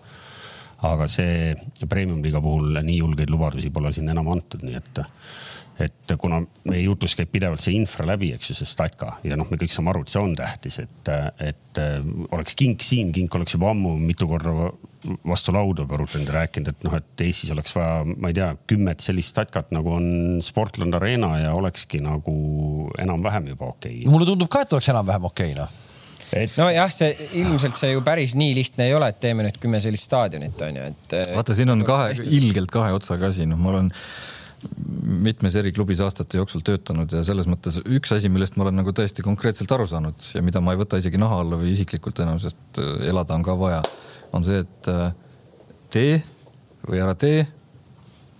kes lõhub, mis kukkus? Ühesõnaga, kas sa teed või ei tee, pole vahet, peksa sa saad. Kas sa teed hästi või halvasti, vahet pole, peksa sa saad. selles mõttes on see selles. no see on iga asjaga. See... see, see on sama, sama asi, et igiküsimus, kas teha enne staadioni, siis hakata rahvast tooma või tekitada enne rahvas ja siis hakata staadionit ehitama. ma pigem ise olen selle. ei no ma võin ikkagi siin noorematele kolleegidele lohutuseks öelda, et, et kui teed hästi, siis saad ikka natuke vähem peksa aga, sellele kirjutan alla. aga, aga see point, Toomas, ma räägin siia ühe loo vahele, see match day experience'i mõttes, et kuidas sa mängul lähed, kas lähed lastega või lasteta. vaata, kui ma ise jalgpalli mängisin ja, ja Ragnarit Liverpoolis vaatamas käisin, siis vaata sellistel asjadel sa ei oska mõelda mõelda, sa noh, ma lähen staadionile, ma tahan jalgpalli vaatama minna, onju. aga juhtus siis nii, et meil oli äh,, mul oli poiss see aeg äkki, ta oli selline üheaastane äh, Ragnar pani meid sinna, noh, ma arvan, et muidugi see on, see on ka, ütleme, staadionil on selline osa, kus see on ka igale inimesele, kes siis nagu perega mängu tuleb vaatama, ta pani meid sinna, kus siis mängijate pered on, onju, mänge vaatama ja noh, nagu ikka sellistes suurtes klubides saad seal süüa ja juua ja kõik tuled ja viled ja üks hetk lähen vaatan, et mingi selline suur nagu mängutuba on teen ukse lahti, vaatan, no metsikult suur mängutuba, ma ei kujuta ette nagu ruutmeetrit. Läksid, mängisid ei, natuke? ei, ja, ja mul oli poiss kaasas onju, noh, mis ta seal nagu jookseb seal siis ütleme inimeste vahel, et lähme siis sinna mängutuppa, aga tuli kustus, küsin, küsin ühe töötaja käest, et kas äh, seda võib kasutada või siia võib minna täna. ja siis see hetk ütles mulle, et ei, et täna siia ei saa, et meil ei ole hoidjat siis ma hakkasin mõtlema, et okei okay,, et hoidjat, ei, ma tahan ise nagu lapsega minna. aa, te tahate ise lapsega minna ja, ja siis võite minna, pani tuled põlema. noh, poiss seal toimetas, mänguni oli seal mingi kolmveerand tundi aega, aga siis ma nagu mõistsin, et, et tegelikult see on ikkagi selleks mõeldud, et kui ükskõik keegi meist siit läheb enda lapsega sinna mängu vaatama, siis seal on olemas hoidja, kes su last vaatab sel ajal, kui sina nagu mängu vaatad väljas tribüünil et äh,. aga mina meile noh, tegelikult Paide, Paide lahendas selle eelmine aasta väga viisakalt, kui ta kutsus mind paar korda äh, looži vaatama ja mul oli ka laps kaasas. hoidjat ei olnud, aga seal oli Pepsi purk noh ja, ja see hoidis väga hästi poissi laua taga noh ei, selge see, noh, see võrreldamatult äh, hetkel, et ja. see Kamsi lugu on tore, noh, mul on palju toredam lugu, kui ma käisin Watfordi mängu championship'is vaatamas Watford Newcastle, Watfordi kodustal Mart Poomor kunnis pileti ja ütles, et vaata, et sa oma Newcastle'i särki selga pane, et, et äh, isegi, et kui sa istud seal perede loožis, sest ma olin mingi mängija piletiga seal nagu nii-öelda mängija kutsega siis noh, seal oleks ikkagi peksa saanud, sest seal olid juba osad lapsed olid siuksed kaheteist, kolmeteist aastased suhteliselt jässakad kasvu aga, aga see... läks hästi. see on ka teistpidi natukene selline eestlasele omane, et noh, võrdleme ennast nagu noh, mis me selle naabriga võrdleme, noh, naabri peale võib ju kade olla või, või õnnelik naabri ebaedu üle, aga noh, ennast võrrelda tuleb ikka nagu tippudega ja siis masohhistlikult mõelda, et noh, mis meil siin, mis me siis nüüd. mul oli täiesti absoluutselt silmi avav reis, oli see Moldovas käik. see oli reaalselt ajamasinaga kakskümmend aastat tagasi kohaliku jalgpalliliidu inimesed kolm päeva vedasid meid mööda staadioni seal esimesel tuuripäeval kas äkki neljal mängul vist käisime järjest niimoodi, et lõunast hakkas pihta nädalavahetusel ja õhtu hiljani välja ja kui ma neljandal staadionile lähenesin, mõtlesin, et raisk, kui ma nüüd ka kuskilt ei saa kohvi ja pirukat osta, siis ma hakkan lõhkuma asju ja ei saanud. aga publiku arv äh,? Oli ühel mängul võrreldav sellise keskmise Paide mänguga. meil on, meil, meil on ju kõigil mõtlen Moldova, Moldova, Moldova šerifi mängudel no,. see, see on eraldi see on äh, riik riigis või mis? Sheriff mängis võõrsil, nüüd on need klubi nimed on mul meelest ära läinud, aga, aga mängis võõrsil. tollest staadionist ma ikka klõpsisin nagu mõnuga pilte, et noh, kui meil on ka vaata kergeraksustaadioneid nagu päris palju, kus jalkat mängitakse, onju. Siis seal oli ka kergeraksustaadion, aga asfalt oli ümber hmm.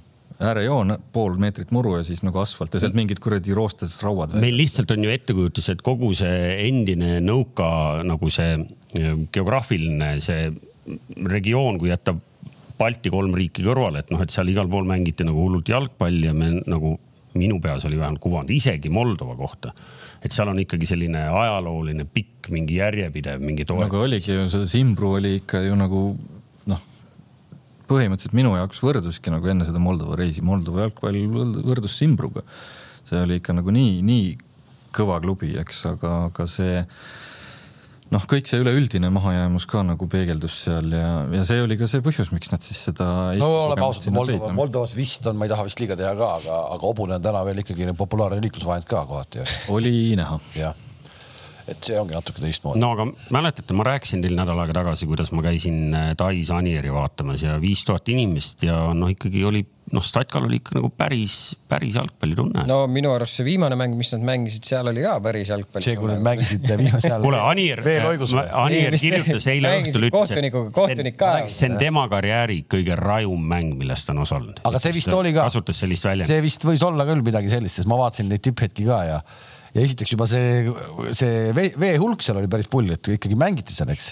ja, ja see, mis kohtunik tegi, oli ka päris uskumatu ikka, no päris uskumatu oli see lugu. kes ei tea, siis äh, Anieri klubi küll eile kaotas üks-kaks endast tabelis äh, veidi tagapool oleva satsi vastu, aga, aga Anier lõi vahelduseks ühe värava nüüd ka ehk et. Äh, kolm penaltit. kolm penaltit suht lühikese aja sees seal ja. ja punane kaart. no punane oli muidugi kõige naljakam no nii, me oleme selle jutu, ma ei tea, kas nüüd rääkinud ära või mitte, et, et. ma arvan, et kuna, kuna meil Paide mehed just nimelt, et, et see jutt ei lõpe mitte kunagi ja kuna meil Paide mehi satub siia stuudiosse ikkagi regulaarselt spordidirektori näol vähemalt, siis me saame alati siin update'e teha ja vaadata, et, et kuidas teil seal läheb ja, ja, ja jagada, kas häid või loodetavasti siis valdavalt häid kogemusi siin teistelt ka vaatame, kuidas siin minema hakkab äkki tuleb nüüd vahelduseks üks selline hooaeg ka, kus, kus kõigil numbrid jälle kasvama hakkavad, sest noh, me nüüd siin ei, ei norinud kõigi nende numbrite kallal, aga tegelikult ju sel eelmisel hooajal kõikidel praktiliselt noh, siin on, saab, saab seda pandeemia juttu ajada, et, et see ongi tegelikult see, see. ei, ma olen absoluutselt nõus, ma isegi tahaks lihtsustada, et pandeemia on kõiges süüdi, aga kui me vaatame, mis nagu linnas üldse või nagu meie eludes toimub, no siis tegelikult ikkagi on. On.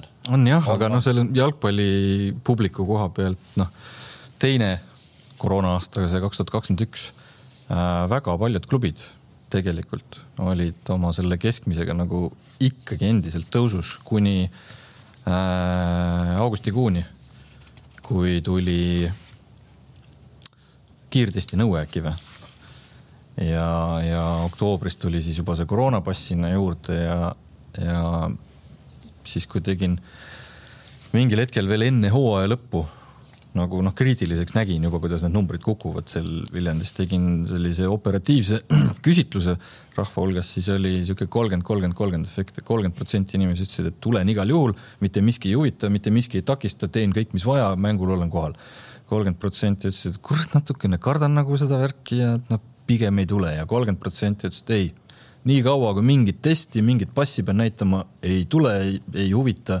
ja noh, sealhulgas olid siis mingi kildkond ka inimesi, kelle jaoks siis nagu põhimõtteliselt noh, klubi oli kõige kurja juur, et, et kurat, nõuate mingit jura siin, eks no.. kas sa oled muidu Paide fännidega juba kuidagi mingit moodi tuttavaks ka saanud või? Ei ole veel selles mõttes jõudnud, mul on äh, kolmas töönädal keskpaigas. viimati, kui käisin Paides, siis seal oli üks äh, rets vend, aga teda hoiti aia taga, sest tal oli samamoodi, kas tal ei olnud mingit äh, seda koroonatõendit või? sa tead, kellest ma räägin või no,? ma ei tea, mis selle, sa tead, mis ta nimi ka on või?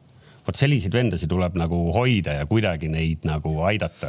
ma, ma ei, ma ei mõtle isegi selles mõttes aidata, et neid salaja seda, ripkale vedada. seda härrat ma tean, ma ühel mängul sügisel käisin Jaanusega jutustamas, sa istusid paar istet eemal seal ja siis ta seal selle tagumise aia värava taga laulis oma selliseid väga imetavaseid džänte terve mängu. üksi täitis ära. ja, ja, ja härra käib, ootab peale igat mängu mängijaid, peale igat mängu pildid, kõik tuled ja viled. äge see on vägev. ma ei tea, kas tal hooajakaart on antud juba er, eraldatud või? anname talle. Kevin Mur-, Kris Murro siis selle härrasmehe nimi, et Kris, kui sa meid vaatad, siis hooajakaart on sinu. Kalevi oma anname sulle. ei, mina enda oma ei anna, aga Krisile eraldage ka palun, ma tulen, ma tulen ka Paide mängule, ma tahan ikkagi ka teed juua seal okei okay,, betsafeliiga.ee kutsusime teid eelmine nädal kaasa mängima ja oleme väga tänulikud selle eest, et oli rohke osavõtt. äärepealt olime Toomasega võitmas, juba ise seda särki endale, vist napilt jäi puudu või? Palju sa said punkte? kas peale esimest vooru juba saab selle endale või? ei no selle eelmise nädala eest saab juba ju. juba üks mees selle või? ja, ja noh, see. ai, vot see näitab, et tegemist on rikka jõuka. ei, aga rohkem ei ole särki, praegu rohkem ei ole. ainult esimese vooru. toimetaja ütles, et eh, see nädal nüüd teeme jälle uue mängu ja. tavaliselt toimetaja on meil hirmus lahke. Betsafe'i kingekott on eh, seekord. on sul okay. laual siin või? ei, ei, ei ole on sul võitja teada või? mul on võitja teada, mul on võitja teada ja eelmise nädala Betsafe liigast, palju sa punkte said? Kaheksakümmend kas sa said esimeses voorus viiskümmend ja teises kolmkümmend või? kuule, teil on mingid samad punktid, ma ei saa aru, see on võib-olla teil pandud. mul oli viiskümmend ja kolmkümmend. nii, ja mul oli viiskümmend ja kolmkümmend huvitav, kas King tegi ka või? Oli, et ta pidi tegema? muidugi ta peab tegema, aga noh, ta ei teinud, ma, ma usun, tegi no,. uurime välja järgmiseks korraks, vaatame, kas, ähm, kas King suutis meist rohkem, aga, aga oli ka keeruline voor, ega seal tuli ju üllatusi. ja, aga üllatusi ei tulnud äh, siis võitjale, ma ei teagi, mille järgi ta siis võitis, oota vaata korra kas sul on lahti, ma tegin selle lahti ja keegi pani kinni. ilmselt võrdsete korral loositi, oli nii, ma tean reeglites. oli vist nii jah, sest et äh, esikoht läks äh, punktidega punktidega, punktidega, ma ei teagi, kui palju siis oli lõpuks. aga siis võitis selle särgi Paide linnameeskonna uue hooaja särk ja Sander Suurhans.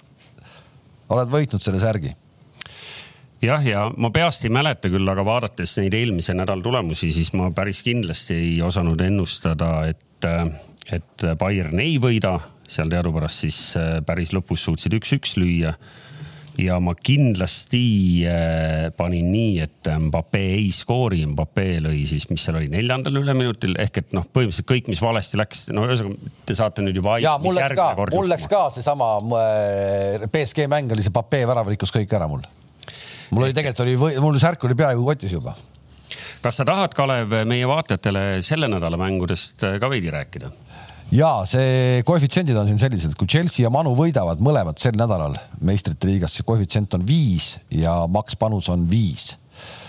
Chelsea mängib Lilliga, Villareal Juventusega, Atletico mängib siis Manuga, Benfica mängib Ajaxiga, sellised on meistrite liiga mängud. ja Manu mängib võõrsil Atleticoga no Manu, Manu ja, mängib alles jah. kolmapäeval, kui me vaatame nüüd neid teisipäevaseid mänge, ma ei tea, oskate midagi kaasa rääkida, et ilmselt äh, loodetakse, et me midagi tarka nende kohta oskame öelda. ma vaatasin huvi pärast, Lill teadupärast äh, Prantsusmaal väga, väga hästi pole see hooaeg pannud ja lihtsalt võib-olla annab meile natuke aimu Lilli hetkeseisus see, et nad said siin kaks nädalat tagasi, said BSG käest üks-viis, nii et Chelsea ilmselt kodus võtab enda oma ära Juve on selline sats, kes, eks ju, sel, sel kalendriaastal, noh, sel hooajal üldsegi ei ole väga säranud. ma vaatasin huvi pärast nende võõrsil mänge, mis jäävad siia aasta sisse. ja nende hulgas on ainult neljast üks võit, kaks. no üpriski selline, üpriski selline üles-alla käib see ju. no ma ütlen kohe kohvid ka ära siis. Chelsea'l on äh, võidukoefitsient Lilli vastu üks koma kolmkümmend kolm, Viik viis koma viiskümmend viis ja prantslastel võidukoefitsient üheksa koma üheksakümmend on no ikkagi megasuur. ja Villareal Juventus on vähe võrdsem, kaks koma viiskümmend kaheksa, Villareali võit, kolm koma viisteist Viik ja kolm koma null viis Juventus, igal juhul Juventus favoriit. kes ei tea, siis äh, Villareal eelmisel nädalavahetusel tegi äh, Realiga null-null, nii et annab ka võib-olla natuke aimu, et sealt tuleb ilmselt äh, üks selle vooru kõige tasavägisemaid. Benfica ajaks, ajaks me kõik mäletame, alagrupis võitis kuuest kuus ja Benfica läheb võõrsile ajaks läheb võõrsile mängima ja ajaksi võidukoefitsient on üks koma kaheksakümmend kaks. kodumeeskonnal Benfical neli koma kolmkümmend. aga see on ka põhjusega, sest Benfica ei ole ka kodus nüüd väga veenev olnud, kolmandal kohal, eks ju alles, aga seal ka ajaksi seeria on päris julm. Seal on no, karikamängud sees kodus nad võtavad jah, väga-väga kindlalt, et aga nüüd ma arvan, et nüüd näeme ja, ja tegelikult ma arvan, et tänasel hetkel see on üpriski. Et võib öelda, et kindel, et ajaks võidab selle mängu, ma arvan. üks koma kaheksakümmend kaks jah ja., kindel jah mm. -hmm. nii, aga siis ilmselt kõige põnevam või ettearvamatum Atletico Manu, ütle siis meile ka. ei, seal, seal ei ole, selles suhtes midagi ettearvamatut ei ole. Manu seal äh, võõrsil üle ühe värava, ma ei näe kuskilt, et nad lööksid Atleticule. lõid neli nädalat no,. neli. ma näin, ma vaatasin Kalev eile seda mängu. kuule, Liitsi vastu. see oli, see, see minutiga oli kokku kukkumas see kaardimaja seal, et. ei, aga minutiga löödi neile kaks. ei, löödi, ma räägingi, aga ma ei näe praegu, et äh, kuigi tegelikult Atletico see hooaeg on ka olnud selline pigem küsitav, aga ma ei, ma, ma ütlen, et Atletico võidab selle mängu. kaks koma nelikümmend kaks on Atletico võidukoefitsient nii et siit saab teha juba päris ilusa rivi. ja kui sa ütlesid, Juvel käib niimoodi üles-alla, siis ega, ega Atletico see kalendriaasta kümnest mängust viis võitu, neli kaotust on ka päris ikkagi nagu, nagu nukker, kui sa mõtled aga miks me kõike räägime seda pikalt, siis kes ei taha äh, suurte koefitsiente peale mängida, siis loomulikult betsafeliiga.ee, seal tasuta jätkuvalt on juba üleval ka uute mängude homse ja ülehomse voorude küsimused. minge vastake samamoodi, nii nagu te tegite sel nädalal. päris palju oli osavõtjaid, äh, üle, üle neljasaja, ligemale viissada vist, et, äh, et minge tehke, see on tasuta kõigile ja praegu ma vaatan, vist on juba üle seitsmekümne ennustanud uut vooru ka. me teeme ka selle ära kaheksakümnest punktist rohkem võiks ikkagi saada ju. no see on küll jah, natuke selline alla saja ikkagi üpriski nõrk esitus teie mõlema poolt. ja ei, ma tunnistan. see, see, see, see, ta isegi, ta ise ei saa süsteemigi, kuidas seal punkte saab üldse noh. jah sa võiks korra lahti teha ja ta käest mõne asja üle küsida, pärast saaks, nädala pärast saaks üle vaadata. ei no ta viskab praegu, ma küsiks eelmise vooru asju, ta vastaks valesti ei no ei tea. kuulge, aga ärme, ärme lõpeta veel ära, siis ei, tegelikult lõpeta. ju meie klubihooaeg läheb reedel käima ja, ja ja olgugi, et äh, asjaosalisi meil siin laua taga ei ole, kahetsusväärsel kombel me alguses teile rääkisime, kus Tarmo Kink viibib, aga Flora äh, Levadia reedel. Kams no ma nüüd veel kord ütlen, Levadia mehi, keda ma praegu nüüd siia tulles nägin, päris mitut. päikese poolt puretud, D-vitamiini on kõvasti sees, seal on nagu tuhhi aga... on. ära, ära nüüd, ära, ära liialda, ära liialda. kuidas ei olnud? mehed, mehed ütlesid ikka alguses, ilmad ei olnud ainult sellised ihihi, ahahhaa. ei no said..., ei no ma räägin no,, ma ju nägin laivis, ma nägin Lepistut, ma nägin Liivakut, kõik on ikkagi nagu juba ikkagi jumekad, noh, ega nad solaariumis no, ei istunud ju. võrreldes Toomas, võrreldes Toomasega. Nad on okei kliimast tulnud, noh. ja, aga me nüüd jalgpalli jalgpallikriteeriumite järgi mõõtes, eks ju, mitte siis nagu selle pigmendi järgi. ei, kas sa saad aru, nad on saanud väga korraliku laagri teha, saad aru? ja, ja ma küsisin tegelikult Liivaku käest, et kuidas siis nagu laager ja need kontrollmängud selles mõttes läksid, et, et kas peale kõiki neid mänge, et mis siis nagu treenerid meestel pärast ütlesid? ei no aga kuidas... peatreener ju kommenteeris seda juba kuskil, et kõik läks hästi, kõik sujus, me oleme valmis noh, ega no, ta ei saagi muud moodi öelda, see on ka selge. Liivak ütles seda ka, et ega nad ju ühtegi mängu ei teinud niimoodi, et nad oleks nii-öelda täiskoosseisuga pannud üheksakümmend mintse, eks ju, et väga palju vahetusi ka nagu seal neljakümne viie minuti kaupa mänguaega ja kõik sellised asjad, aga ütles, et, et kõige tähtsam, mida tema siis mängijana tunneb ja noh, ma ei tea, kas sa selle tsitaadi oled ka juba kuskilt üles noppinud, sest mulle ta ütles seda siin maja ees.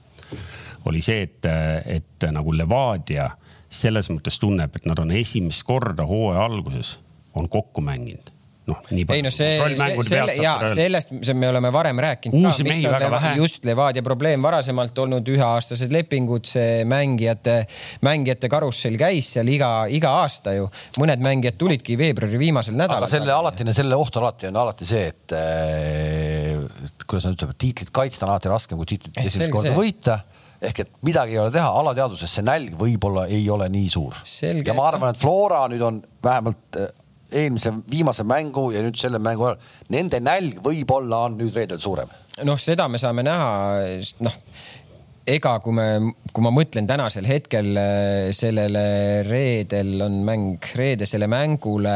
Äh, reedel kell seitse, kes tea. ja kui ma mõtlen siis Levadiale, kui ma mõtlen esimese hooga Levadiale mm,. palju tal on, ütleme põhimeestest lahkujaid, Bogdan Vassiuk ma arvan, et siin ei pea väga suur hiromant olema, et sa võid öelda ära, kes tal isegi nagu alustab. okei okay,, Vassiuki asemel ma ei tea, kelle ta sinna paneb, mängib seal Roosnupp või, või, või kes see on. aga, aga sa ei pea väga nagu palju mõtlema, et millise koosseisuga välja läheb. ma arvan, et noh, okei okay,, küsimus ründajas on, alustab Liljuga tipus või alustab Robert Kirsiga. mina arvan, et alustab Robert Kirsiga aga, aga saame näha, Flora puhul võib-olla küsimärke mingis mõttes on rohkem. väravas, kes alustab väravas, esimene küsimärk, kas Nõmm või Poplavskis, kelle, millise paariga ta mängib keskkaitses, kas ta mängib Lipuga ja, ja Pürgiga, mängib ta Pürgi ja Sepikuga, selles suhtes Sepik kauem klubis olnud, Lipp alles liitus klubiga, noh, äärekaitsjad, ma eeldan, Lillander, Kallaste kellega ta mängib keskel. noh, ilmselt seal on Soomets, Miller, ma arvan ääred Senjov Ojamaa ja, ja tipus küsimärk. nagu ma mitu saadet tagasi siin ütlesin, siis mina arvan, et Rauno Alliku hakkab mängima tipuründes. aga ma selle, ei tea, ma ei tea ja, ja, ja, ja, ja, ja seal on veel küsimus ka natuke selles, et äh, ilmselt seal on mingeid Covid küsimusi ma ei tea, ma ei tea, mis Levadia seis on. aga sa tead, aga sa tead ilmselt, et Floral on või? ei, ei noh, ma, ma ei tea, kui kaua või kui pikalt või kes, aga minu arust Kostja Vassiljevil olid ka mingid probleemid sellega, et, et ma ei tea, kas Kostja on tagasi. vastu ei mänginud? ei mänginud.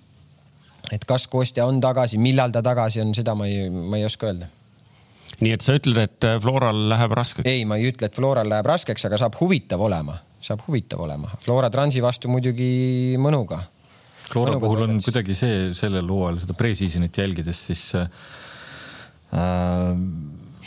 välismaa sektsiooni ma olin vait, eks ju, sest ma oskan ainult Eesti jalgpallist rääkida äh, ma pean tunnistama täitsa ausalt, et mul ei ole mitte ühelgi aastal olnud vahetult enne hooaja algust äh, Florast niivõrd, kuidas ma siis ütlen.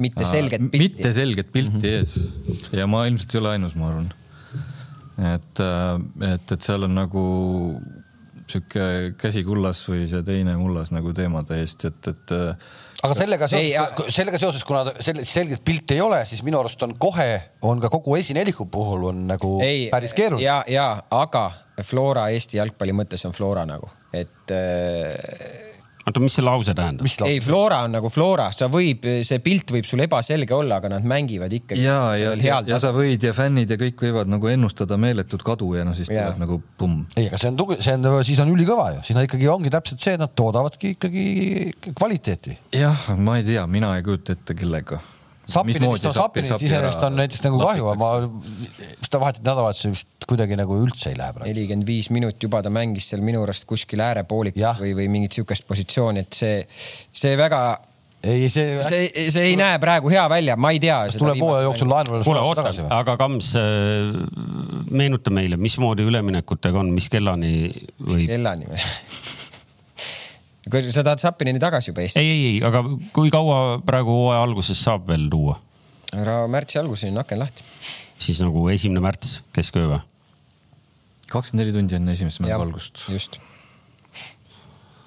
okei okay,, nii et äh, ma saan aru, et, et stuudio siin äh, žürii kaldub sinna, et favoriidiks on Levadia seekord äh, eelmisel liigahooajal. aga me ei tea, vaata see. võitu nad ei saanud kaks viiki. see ongi see, et justkui mingis mõttes favoriit tundub Levadia, aga justkui me ei, ei tea, noh nendest midagi, et nad on seal Türgis nüüd olnud, on ju, me siin ei ole ju neid mängimas näinud. see ongi see petlik, see lägid konkreetselt tuli pumm-pumm-pumm selle kahe või kolme nädala jooksul tuli neid tulemusi sealt mm., ühe võidu, ühe viigi ja ülejäänud kotid said nad sealt, onju. jah, vaat noh, välismaa klubid, suured klubid, mõned seal ka onju, noh, paari nime ma isegi teadsin. selge on see, et aga... sportlikus mõttes kindlasti need olid head mängud, see, see on nagu selge, aga me ei. Flora puhul on see, et noh, Transist sõidab kuus-null üle Äh, Kopenhaagenis said need kolakad, Rosenborg jäi ära ja see, see kogu see koroona olukord ongi tekitanud sellise noh, empiiriliselt kuidagi sellise tunde, et ma ei tea, mis asi see Flora sellel aastal on. jah, see on nagu õige point, et, et, et jättes Flora personaalküsimuse kõrvale, et loodetavasti me saame selle liiga nüüd ikkagi jälle käima niimoodi, et me ei hakka nädalast nädalasse lugema seda, et Trans ei saa mängima tulla ja tal tuleb äh, Florast äh, koolipoisse juurde saata, et ta platsile saaks tulla, eks. kõik on tänaseks ju nüüd põdenud juba no näed, põevad veel või ma ei tea, mida. sina ei ole ju? no mina ei ole jah. mina, mina, mina ka ei ole muide. mina ka veel. kui me nüüd nagu selliseid delikaatseid isikuandmeid juba siin avalikustama hakkasime. kas Kams on ainuke stuudios, kes on? tundub nii jah. no nii. ja, ja see Kams on ainuke kes on väga kohusetundlik nagu. Kams on, kui seda nüüd hakata kirjeldama eraldi raamatus, kui tõesti oleks täna Terviseametil vaja nagu sellist kaanepoissi, kuidas teha eh, koroona vastu võidelda, siis Kams oleks kindlasti kaanel ta oli ju tõesti väga kohusetundlik. ja mille aga, eest me teda muidugi kiidame. aga sai ka, sai ka ikkagi nagu ikkagi pihta. nii on nii, aga ma ei tea, äh, enne veel, kui me siin nädala pärast kohtume, loositakse ära äh, veerandfinaalid karikas on ju? keda te vastaseks tahate, et äh, teil võimalus säiliks? Meil ei ole vahet. mängime sellega, kellega tuleb jälle. issand, issand, issand. kuule, kas ainult karikavõitja saab? kams, kams, kams, kams, see meil hakkab uus hooaeg peale ja president istus. oota, mis ma ütlesin, ma ütlesin, meil ei ole vahet, kes sealt tuleb ei me..., see oli üldsõnaline vastus, president istus selle koha peal ja me läksime ära siit, mäletad, mis ta ütles? Kams, ütle julgemalt seisukohti välja. aga ma ütlesin, et meil ei ole vahet, kes sealt tuleb. ja see on, see on selline juba suhteliselt selline jõuline. aga ei, ilma naljata, ütle meile nüüd see Euroopa koht, kas ainult karikavõitja? ei. kui karika finaali satud. Floral ja Levadial on Euroopa kohad olemas. nii. ülejäänud võistkonnad, kes seal karikas on, nemad saavad selle koha siis ütleme sel juhul välja arvatud meie, kui nad võidavad karika kui võidab karika Flora või Levadia, siis saame meie selle Euroopa koha äh,. liiga kolmanda koha eest. okei okay,, ehk et äh, teil on nagu kindlam oleks ise ära võita, kui et lootma jääda, et Flora või Levadia selle võidab selge, sportlik väga huvitav. kas sul selle kirja? väga huvitav. teooria läks küll praegu väga. väga, väga huvitav lähenemine. ega see ei ole siis? ei no kui sa ise võidad ära, siis sa oledki võitnud. no ma olen, ma võiksin isegi öelda, et kui sa võidad nagu Eesti meistritiitli, siis sa oled Eesti meister. kindel või? ja võib olla. eurokoha saab siis või? ja, jah ah., võib-olla nii küll jah. kuule, aga siin natukene keegi kolme süstiga mees tõmbas praegu liini pealt maha meid, et äh, nädala pärast siis kohtume, meil on siis juba teada, kes superkarika on võitnud ja siis hakkab uus hooaeg peale ka. me teeme kümme küsimust, toimetaja teeb jah? Äh, uueks, terveks uueks hooajaks. jah, et ehk, et tegelikult on nii, et selle äh, eeloleva nädala jooksul, kui kellelgi on häid mõtteid, mida võiks nagu äh, proovida ära ennustada uuest hooajast no a la, ma ei tea, noh, kes. Äh, et loomulikult me proovime ennustada, kes tuleb meistriks ja kes kukub välja piltlikult. no niikuinii ka, aga igast teisi, teist. aga, aga võib-olla tuleb kellelgi ka vähe vaimukamaid ja, ja selliseid, mis paneb nagu, nagu loovuse. no näiteks mit, mitu, penalt, mitu penaltit äh, Flora see aasta teenib, noh, midagi sellist. me tahame kümmekond küsimust teha, kutsume teid kõiki järgmine esmaspäev ka siis meiega koos nendele küsimustele. mitu väravat Kuressaare, Kuressaare lööb vastu tuult? näiteks seda on, seda on raske äh, kontrollida. seda on raske kontrollida, jah. aga põhimõtteliselt, et visake neid küsimusi ka siia alla. Äh, Newcastle äh, liigas kuus mängu kaotuseta. oi jumal, seda ma vaatasin ka jah, see üks-üks värav, see vist, kas vist äkki oli isegi Newcastle'i ajaloo. kuule, halloo, kumb sats seal nagu tugevam oli lõppkokkuvõttes? ei, see on igas mängus. ja mäletad, kuidas Kams hakkas meil rääkima, kui oi, West Ham on ju tabelis neljas ossa. ja West Ham ongi täitsa ju juhus. kuule, Newcastle mängis. Callum Wilsonit ei olnud, Trippieri ei olnud ma ei tea neid äh, mehi. Saint Maximin ei olnud. ma ei tea neid mehi. sa ei tea neid Need mehi? on tundmatud suurused minu jaoks. ilma nendeta mängiti. ja West Ham on täitsa juhuslikult neljas no. Premis. ah, ega see liiga ongi habras noh. Newcastle läheb natuke hilja lihtsalt see plastmass näoga naised, et liigutused hakkasid mõjuma liiga hilja, et muidu oleks euro kohast mänginud ka. oleks äkki, ma arvan. tuleb tuleb, tuleb. ühesõnaga järgmine esmaspäev me teeme küsimuste vooru, vastuste vooru, me teeme oma vastused ka ära ja kutsume siis teid ka kõiki kaasa, ma arvan, et me mõtleme, see terve hooaja peale. kas sa äkki kirjeldad siis vaatajatele, kuidas see nagu siis konkreetselt välja näeb, kas nemad saadavad meile küsimusi, meie valime välja või meie ise teeme? ei, me tegelikult küsimused? eeldame, et kui neil on häid mõtteid, siis nad saadavad mulle või Kalevile need mõtted, aga me esmas... ja me esmaspäevaks kindlasti paneme need enda. näed, väga hea, väga originaalne küsimus. Riho Peterson, mitu kaarti Levadia pink saab? no näiteks, midagi sellist. ja, aga siin on üks mees on, valdab siseinfot, me ei saa siis teda ennustama panna ei, siis ta vaatab, et. jah, hooaja lõpus on ja, üks on puudu. üks on puudu, sõidame hästi no midagi, ühesõnaga sellised, sellised nagu Riho Peterson siin teinud on. ja mõte on hea. mõte on hea ja selliseid küsimusi me tahamegi ja see on terve hooaja peale siis. ja ma usun, et Betsafe paneb ikka no vähemalt Paide särgi paneb küll selle eest auhinnaks ka. ma usun küll jah on ju? seal on uus turundusjuht ja see nüüd äh, võtab neid asju natuke tõsisemalt ka kelle särgi, kelle? no noh, kui hästi vastatakse, võib-olla isegi Klaavani särgi. saame jälle vitsa. okei okay,, äh, kohtume nädala aja pärast ja vastame siis kõikidele nendele ägedatele küsimustele, mis meil selleks ajaks olemas on, nii et toimetaja, ole tubli. kohtumiseni. aitäh. nägemist